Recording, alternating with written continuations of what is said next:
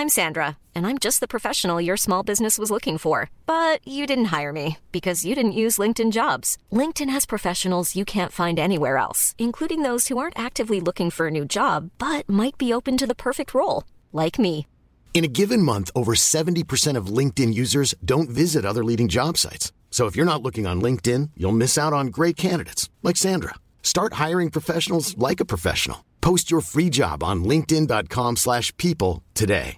Many of us have those stubborn pounds that seem impossible to lose, no matter how good we eat or how hard we work out. My solution is PlushCare. PlushCare is a leading telehealth provider with doctors who are there for you day and night to partner with you in your weight loss journey. They can prescribe FDA-approved weight loss medications like Wagovi and Zepbound for those who qualify. Plus, they accept most insurance plans. To get started, visit plushcare.com slash weight loss. That's plushcare.com slash weight loss. There's never been a faster or easier way to start your weight loss journey than with PlushCare. PlushCare accepts most insurance plans and gives you online access to board-certified physicians who can prescribe FDA-approved weight loss medications like Wigovi and Zepbound for those who qualify. Take charge of your health and speak with a board-certified physician about a weight loss plan that's right for you. Get started today at plushcare.com slash weight loss. That's plushcare.com slash weight loss. plushcare.com slash weight loss.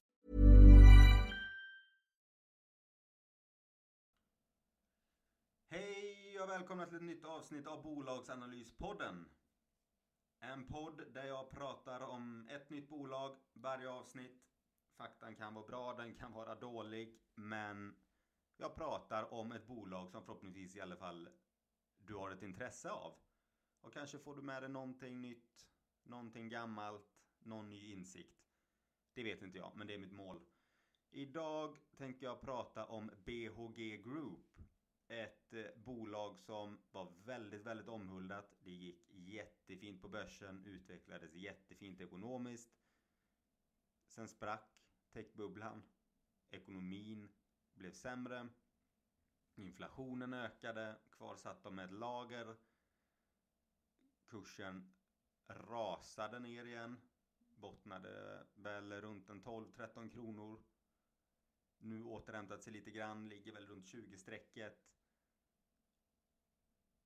BHG Group har hemsidor där du kan beställa heminredning, du kan beställa möbler, du kan beställa tapeter, tapetklister, du kan hammare och spik, allt för ditt renoveringsprojekt. Och som vi alla vet så är det väl kanske inte en ny renovering eller ett nytt kök man tänker på i dessa tider. När man egentligen bara vill ha över 17 grader i vardagsrummet och inte vakna av att du mer eller mindre har lunginflammation. Eh, så jag tänkte vi går igenom detta idag. Och eh, hoppas du får en trevlig halvtimme. Nu kör vi!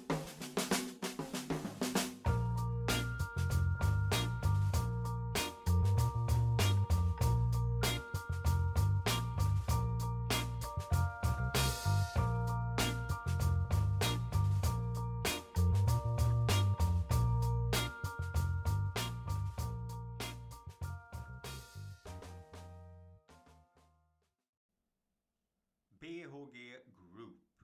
Det var tydlig, tid, uh, tidigare Bygg Hemma. Uh, du gick in där, du beställde hem tapeter och tapetklister, vilka lister du ville ha. Och så kom skiten hemkörd till dig. Jättesmidigt. Det de var var ju egentligen en trävaruaffär, fast på nätet. Det är fördelar med det men det finns också nackdelar. Om vi tar till exempel tapeter. Jag kan gärna beställa tapeter. Jag har inga bekymmer med det. Min sambo, det ska kännas, det ska klämmas och det ska hållas på som ett helvete innan tapeterna är valda. Och hon vill hellre då åka till butik. Vad jag vill ha sagt med det är väl att generellt sett så är män en bättre kundgrupp än kvinnor när det kommer till e-handel. För vi skickar inte tillbaka i samma utsträckning. Passar inte byxorna. Det är inte hela världen, man orkar inte skicka tillbaka. Kvinnor kan beställa hem tre olika storlekar och så tar de den som passar bäst och så skickar de tillbaka de andra två. Män är generellt sett en bättre kundgrupp. Så det är kundgruppen. Det är medelålders män framförallt. Men även där ser man att de faktiskt börjar vidga sin kundgrupp lite mer. De tar in mer möbler och tar in mer inredning. Och det är väl också, de vill bredda målgrupp. Varför lämna halva befolkningen utanför? Om man ska göra det enkelt. Och det tänker jag göra nu. Så jag behöver inte höra några woke-kommentarer om det där. Det är ingenting jag orkar med. Inte i detta formatet. Nu lämnar jag det fort. Jävligt fort. Och så tänkte jag jag går igenom vissa märkena. De flesta vet nog vilka det är. Eh, något nytt kanske, något gammalt. Men det är bygghemma.se. Det är där det en gång startade. Golvpoolen. Nordiska Fönster. Trademax.se. Nordic Nest. Furniture Box. Slipo. Lite finska märken som man kanske inte kan relatera till men du har Netrauta. Talon. Du har chili.se, My Outdoor Kitchen. Ett jävligt otippat förvärv var när de faktiskt förvärvade Hylte Jakt och Lantman. Jag vet faktiskt inte varför de förvärvade de här. Om det var för att även få in, för maskinklippet kom med i det förvärvet. Och Dogger också, en fiskeshop. Jag vet inte. Där någonstans borde man ju kanske ha dragit i handbromsen. Dels inom bolaget själva. Att vi går väldigt långt från vår kärnaffär här nu. Och även som investerare att se att vad, ni är en trävarubutik på nätet. Ni vill ta in så att egentligen är det att om du vill renovera ett rum då ska du ha allting där. Därav tog de in möbler etc. Men vad, vad kommer fiskedraget in någonstans? Det... Där någonstans spreds det. Men bolaget som sig är fint. Det går med vinst och omsätter eh, mer och mer varje år och ökar vinsten och sådär. I alla fall på toppnivåerna. Nu får vi ju se 2022 när de årsrapporterna släpps sen. Hur det har gått för exempelvis det här förvärvet. De har eh, Nordic Pro Store. De har eh, Bygg Hemma i Danmark exempelvis. Du har Polarpumpen som går väldigt fint nu i dessa tider när folk vill sera sina hus. Polarpumpen gör vad de säger. Luftvärmepumpar. Fast även inom gränsande delar. Så det, det växer på jättefint. Så det finns små, små guldkorn i det här. De har hemfint.se Biljardbolaget, vad man nu ska dra ut av det. Alltså, ni hör ju, det är, det är vitt och det är brett. De har TV-experten. Det är spretigt. Bolaget som så har ju många de har ju förvärvat många varumärken. De har ju förvärvat HAF till exempel. De har inga egna fabriker men de har varumärket. Så att de produceras i Kina och så säljs under det här svenska varumärket ut i sina butiker. Så de står ju inte med de här stora fabrikskostnaderna vilket är jättebra. Men du jag förstår inte syftet med vissa av deras förvärv, vad tanken är bakom. Jag, jag, tror bara det är så enkelt att det gick jävligt fort. De hade mycket pengar. Och de ville nog lägga så mycket som möjligt under deras paraply för att kunna vara någonstans en one-stop shop. Och eh, alltså egrillen.se ser jag här. Det jag tror det finns mycket besparingar att göra här. Antingen om man skulle knoppa av en del och så frigöra det. Lägga det i egna bolag eller om man skulle sälja av det eller om man bara ta, jag har sett att de gjort det i vissa av deras bolag. De har slått ihop eh, bolag i, om du har liknande, om vi tar till exempel chili.se, att du lägger ner exempelvis chili.se och tar alla deras produkter, alla deras och bara skickar alla till den hemsidan till exempelvis bygghemma.se istället. Du sparar kostnader, det blir enklare att förstå, du har inte alla de här dotterbolagen som ska redovisa och Men eh, de har gjort det i vissa bolag men eh, om jag förstått det hela rätt så, så ska det här lite grann rulla på. Det är spretigt, återigen. Syftet med det nog vara att det gick för fort och nu kommer de arbeta för att kämpa tillbaka och få, få tillbaka det här igen. Om vi tar till exempel de förvärvade Hemmy. De omsatte 103 miljoner, hade en ebit på 1,3 procent ungefär, köpte för 84 miljoner. De har tilläggsköpeskillingar på alla sina förvärv. Förhoppningsvis kommer de inte slå in. Du hade när han köpte Hafa Bathroom Group. De omsatte 200 miljoner, hade 8,2 procent ebitda. Du köpte dem för ungefär 200 miljoner. Du köpte Slipo. De omsatte 98 miljoner, hade 2 procent ebitda. De köpte för 56 miljoner. Och så här ser det ut liksom om och om igen, förvärv för förvärv. Och väldigt mycket av de här förvärven skedde 2000, 2021. Problemet med då det är att de har köpt de här bolagen i en tid där det fanns otroligt mycket pengar på marknaden. Det trycktes pengar fan överallt. Och det köptes grejer och det renoverades. Och en risk som finns är just att de har köpt de här bolagen på toppvinster.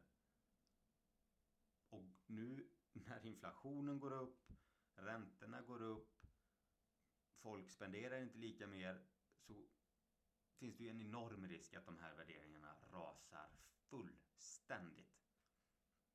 Och att de enda vinnarna i den här affären, det var säljarna av de här bolagen. Förhoppningsvis är det ju inte så, men i många fall tror jag att det precis är så. Och det ska man nog vara väldigt med på. Att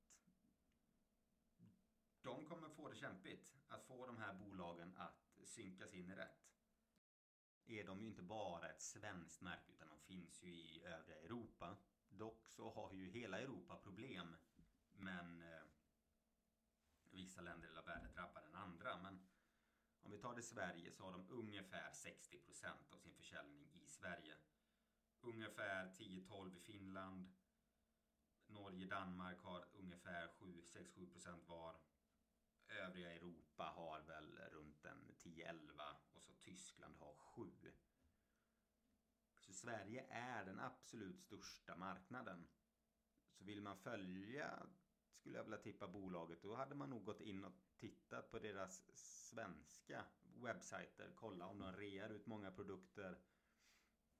Om de har prissänkt mycket. Om lagervaror är slut. Det går att följa lite grann så man ändå kan få en hum om hur det går i verksamheten. Ehm, Och jag dock kan tycka är intressant om man tänker ur ett längre perspektiv. Om vi tar New Wave till exempel. De har alltid fått kritik för att de har ett väldigt, väldigt högt lager. Grejen med deras lager är att deras t-shirtar till exempel, de går inte ner i värde om de är fem år gamla eller ett år gamla. För att de är tidlösa. Det är sådana här företags-t-shirtar. En marinblå t-shirt av märket Klick liksom deras lager har snarare vänt till att de har ju fått en en jävla hedge. Jag menar, ta för, köpte de in de här tröjorna för tre år sedan och detta kan vi även applicera på Bygghemmas lager som blev för högt. De köpte upp väldigt mycket och byggde lager under 2021 när alla deras dotterbolag sålde för fulla muggar. 2022 kom Försäljningen stendog inte men den avvaktades kraftigt och kvar satt de med lagret.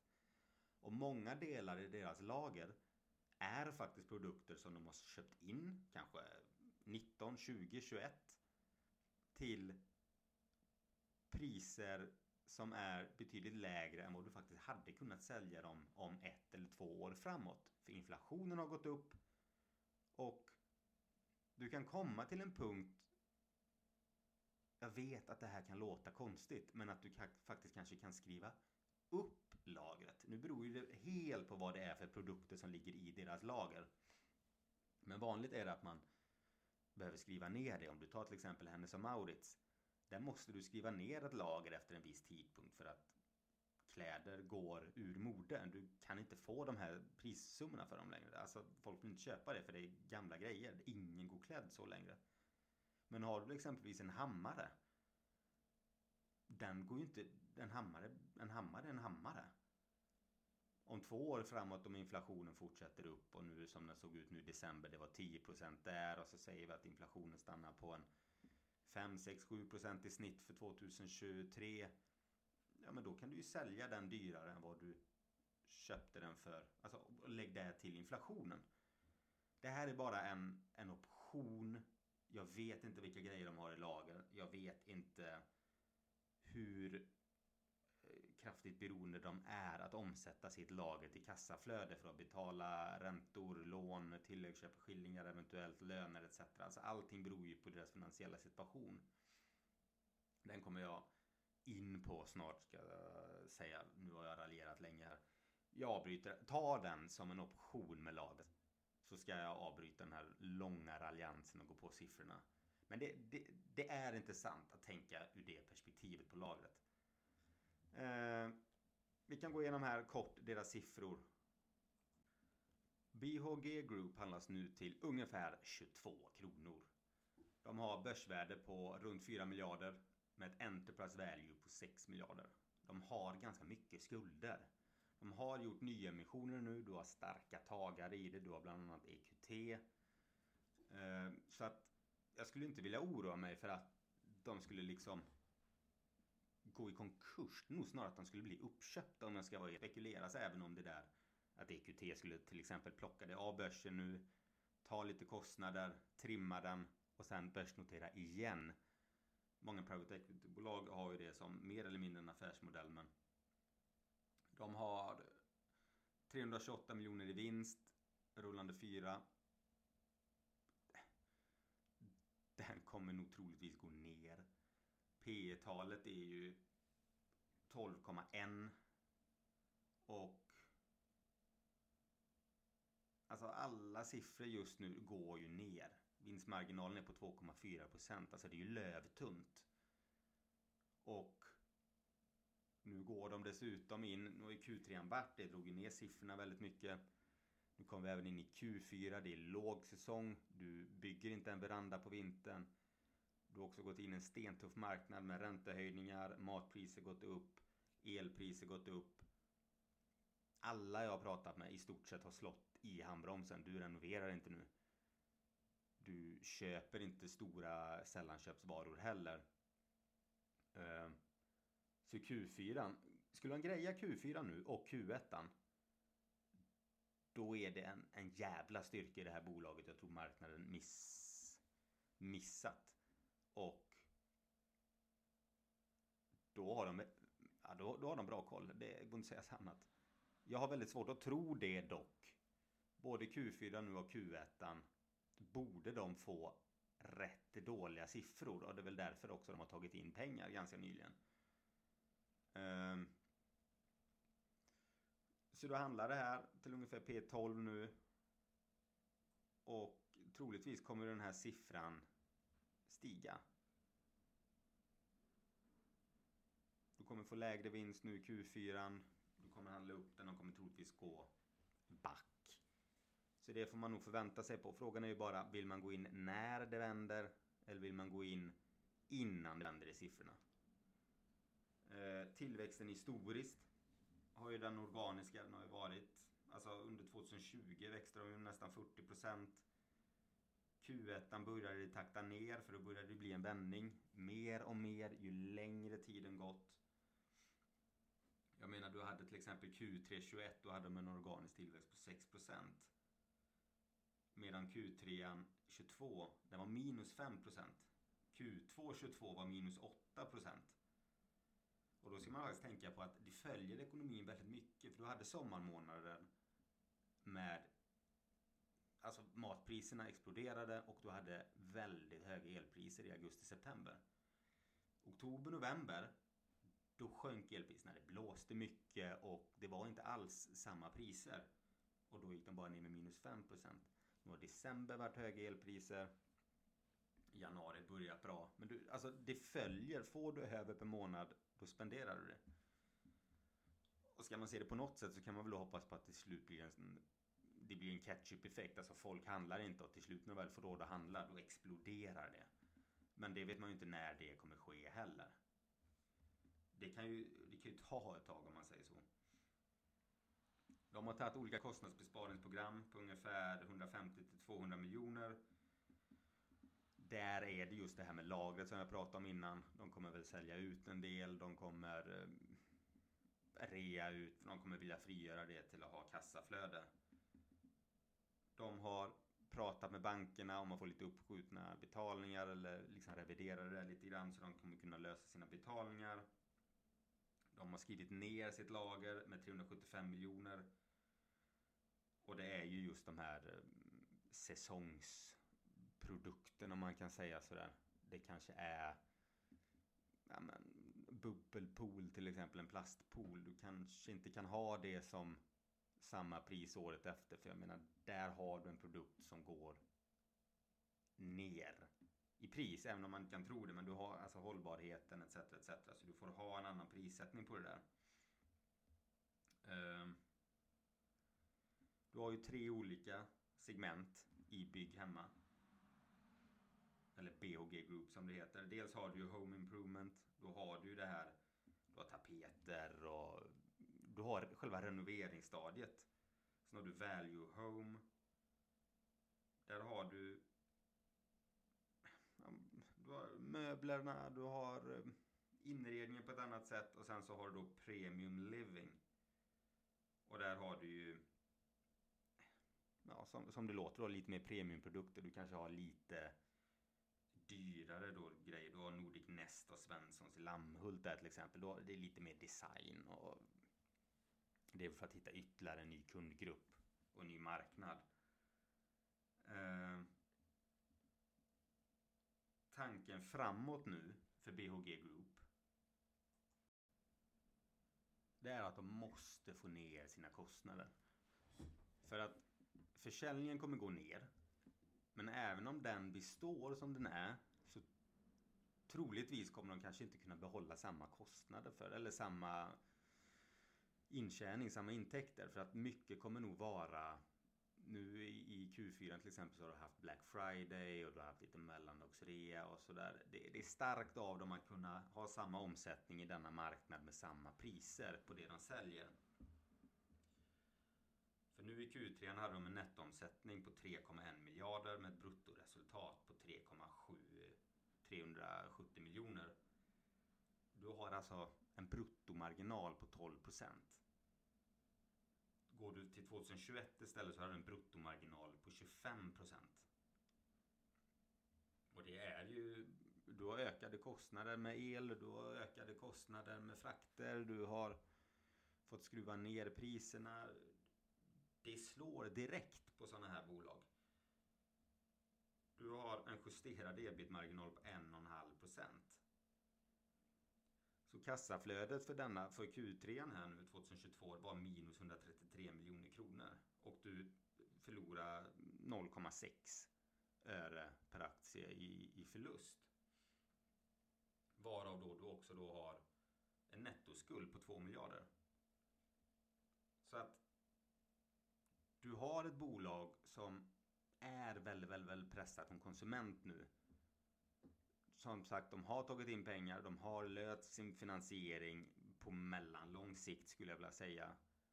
Eh, de håller nu på att försöka effektivisera lagret, sälja ur vissa produkter, bli av med det, förvandla det till cash. Eh, och samtidigt då strypa kostnader. Men hur bra eller hur, det, hur, hur dåligt det kommer gå det beror helt på marknaden. Det här är liksom inget bolagsstrukturerat fel. Att de har gjort fel. Ja, de har förvärvat jävligt vitt och brett. Där skulle de väl kanske bromsat innan. Men det här är ett sånt där klassiskt bolag som växer jättefint i högkonjunktur. Och så slår det stenhårt i lågkonjunkturen. Om man nu kan kalla att det är en sådan nu. Det bästa jag skulle faktiskt ansett i det här bolaget nu det är att till exempel då knoppa av det här hyltjakt och de här grejerna. Sätt det i ett eget litet bolag eller sälj av det. Sälj av de här om inte bolaget är jättelönsamt då. Renodla det här och bli av med dödköttet och håll till kärnaffären. För går, du, går man in och kollar på alla bolag och så söker man upp alla deras dotterbolag. Så ser de på 2021 år. Det är jättefint. Alltså de alla tjänar pengar. Så det är inte så att de har köpt skräpbolag som, för, som förlorar. De har köpt bolag som tjänar pengar. Men 2021 är också år som var väldigt dopade. Och det är ju faktiskt först nu det blir någonstans normalt igen. Vilket innebär att det är en hel, du kan inte gå på de värderingarna de här bolagen hade då. Men i grunden så är det ju med bra förvärv och det är väl bara det att de har varit på toppen. Nu får man se hur de hanterar botten, om man kan säga det så. Du har diverse riktkurser från banker på runt 30 kronor. Och de kan ju alltså vara sänkta från 70-80 spänn. Så du har ju fått rejält nedskruvade kurser. Dock beror det på utspädningarna av eh, nyemissionerna också. Men ägarna verkar tro på det. Du har EQT. Du har eh, Ferd exempelvis har ökat till eh, jag tror det är runt 18% av alla aktier exempelvis. Så att du, du har starkare ägare i det. Du har ägare som stöttar bolaget finansiellt. Vilket är en trygghet för bankerna som vill få in sina lånepengar. Det att de vet att vi kommer få in dem på ett eller annat sätt. Och du har nu då tider som är sämre. Men när det vänder igen. Då sitter BHG Group på väldig bredd inom konsumtionsmarknaden. I alla fall när det kommer till heminredning och renovering.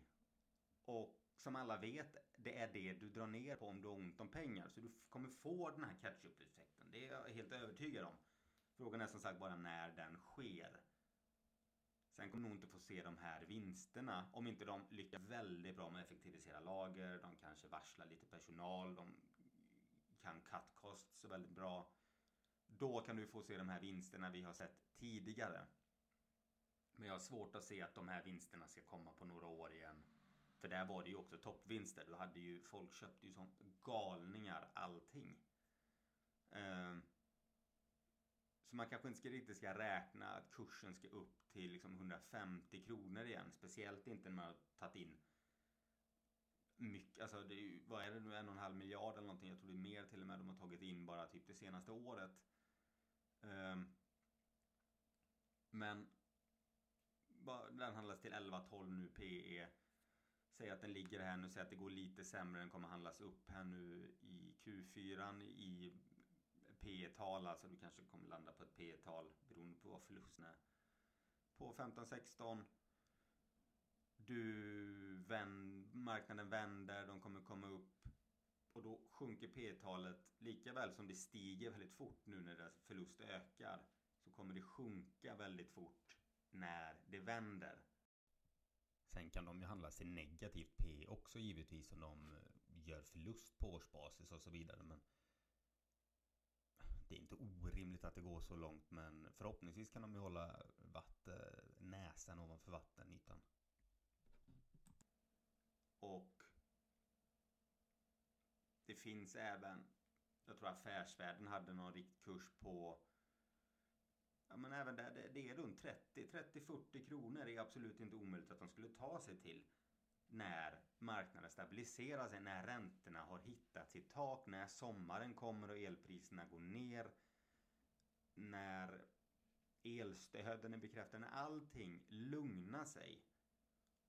För nu måste man komma ihåg att nu står vi mitt i essensen här. Vi står i vintern, räntorna skenar upp. Snart kommer vi gå mot vår igen.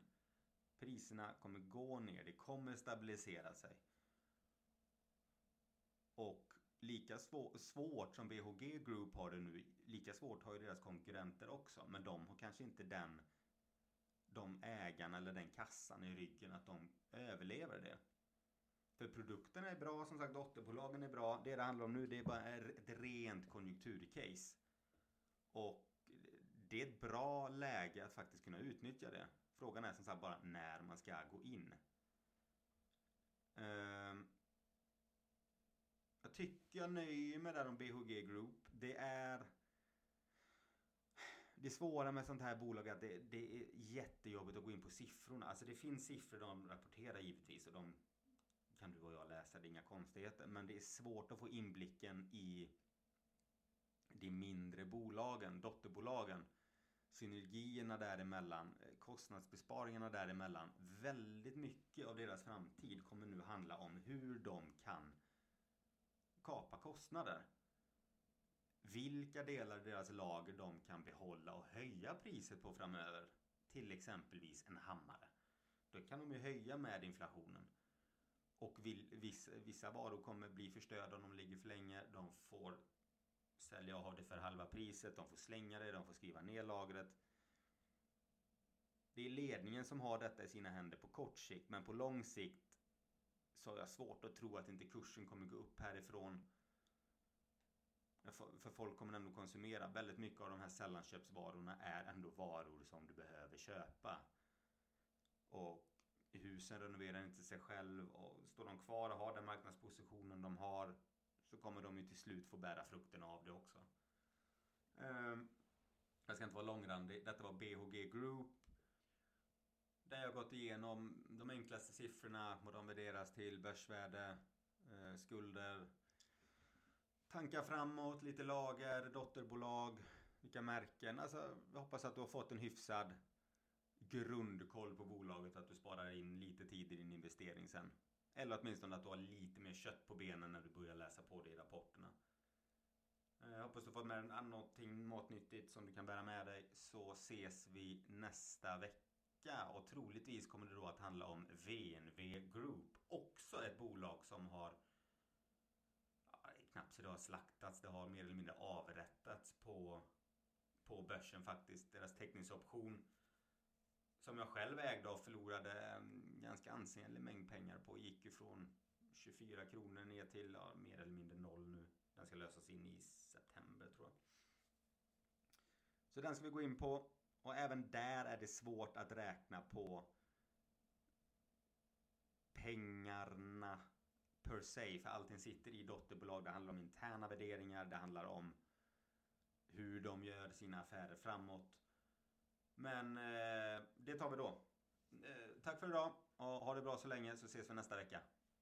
Hej!